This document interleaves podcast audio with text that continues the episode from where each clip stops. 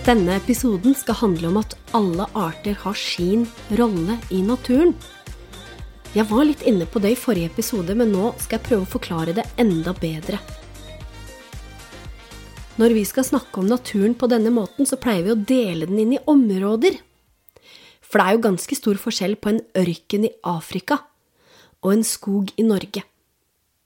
Det er forskjellige arter i de to områdene. Så jeg har tenkt å snakke mest om skogen, for det er det vi kjenner til, da. Og et slikt område kalles ofte for et økosystem. Det betyr at alle artene i dette området er avhengig av hverandre og lever sammen i et samspill. Jeg skal ta noen eksempler. Eh, vi kan begynne med plantene. Gresset på bakken og bær fra busker og trær er mat for mange arter i skogen, som for eksempel ekorn. Ekornet trenger jo også trærne til å bo i. Så er det sånn at noen arter spiser ekorn.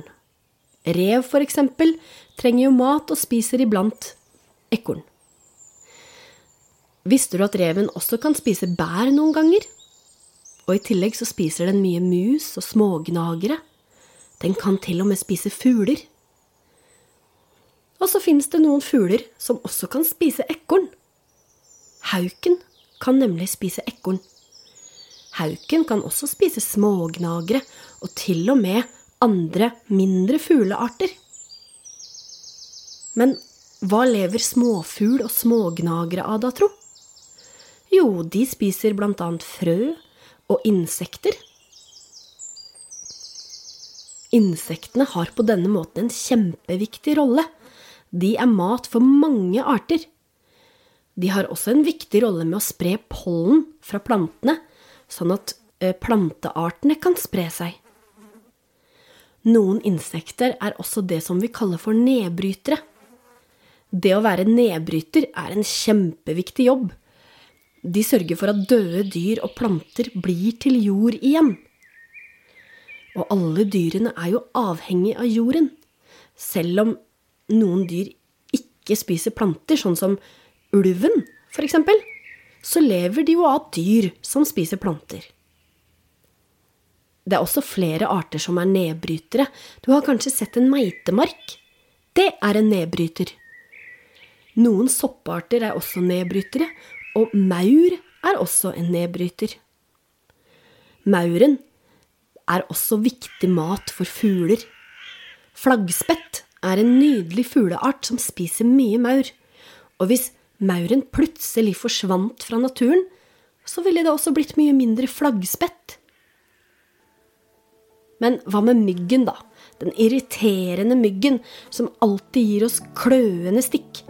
Den kan vi vel kvitte oss med uten at noen merker det? Nei, det er nok ikke sånn. Ja, den er kanskje litt irriterende for oss mennesker, men den har òg en viktig rolle i naturen. Myggen er også mat for mange ulike arter. Men hva med de store rovdyrene, da? Hvorfor må de spise de stakkars søte ekornene? Trenger vi egentlig dem, da? Se for deg at det ikke fantes rev eller ulv eller jerv i skogen. Ingen som spiste dyr. Hvis de plutselig forsvant, så ville det blitt veldig mye mer av mus, av gnagere, av ekorn. Men det ville blitt altfor mange. Det ville blitt så mange at de hadde spist ned alt av mat i områdene sine. Så mye at det ikke ville vært nok til alle.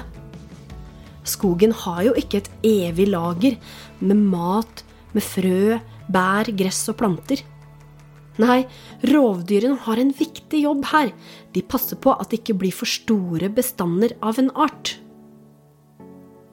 Så nå skjønner du kanskje at alle arter har sin rolle og er en eh, viktig del av naturen. De har liksom sin oppgave. Og vi trenger mangfoldet, og vi trenger alle artene for at den balansen ikke skal bli ødelagt.